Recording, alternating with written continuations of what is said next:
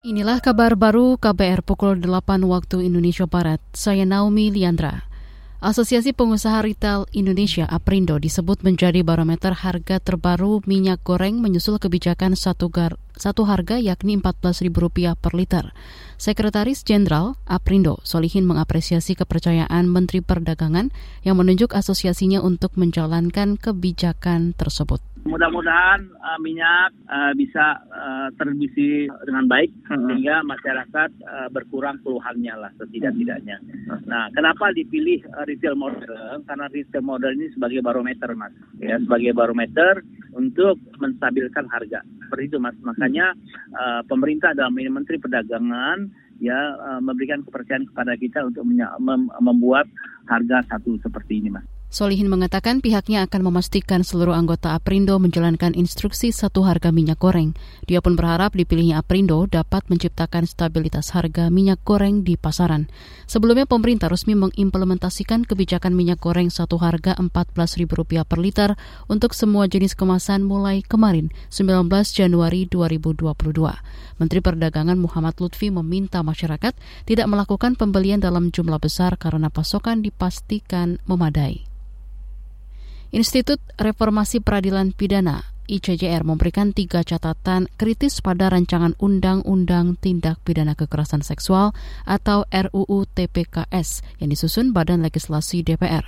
Peneliti ICJR, Maidina Rahmawati mengatakan tiga catatan itu meliputi pengaturan tindak pidana, pengaturan perlindungan hak korban, dan pengaturan hukum acara.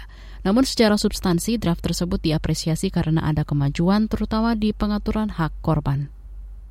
Eh, kita apresiasi gitu ya karena kalau kita lihat di draftnya Balek nih ya di Agustus 2020 sebelum Desember itu hak korban dihilangkan bahwa akhirnya definisi hak korban uh, penanganan pelindungan dan pemulihan itu hanya menjadi definisi doang di di, di pasal satu. Nah akhirnya kita rame kan kita protes dan lain sebagainya sampai akhirnya di draft Desember dikembalikanlah si penguatan hak korban. Tapi perlu ditekankan bahwa permasalahan mengenai hak korban ini nggak cuma selesai di aspek regulasi. Peneliti ICJR Maidina Rahmawati menambahkan, selain dari aspek regulasi, pemerintah juga perlu memperkuat pemenuhan hak korban dari aspek struktur fasilitas atau layanan, sumber daya manusia, serta penganggaran pengaturan dalam RUU TPKS.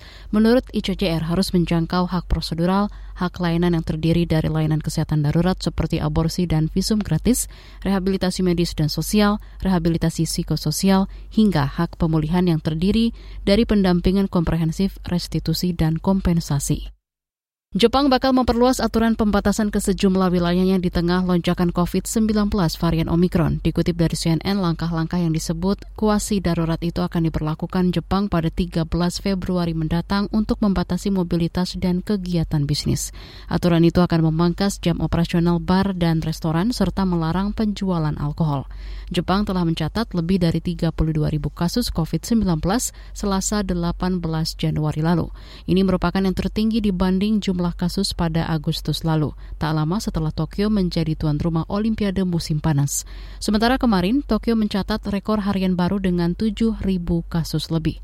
Sejak pandemi, total sudah empat kali Jepang mengumumkan status keadaan darurat di negaranya. Demikian kabar baru KBR, saya Naomi Liandra.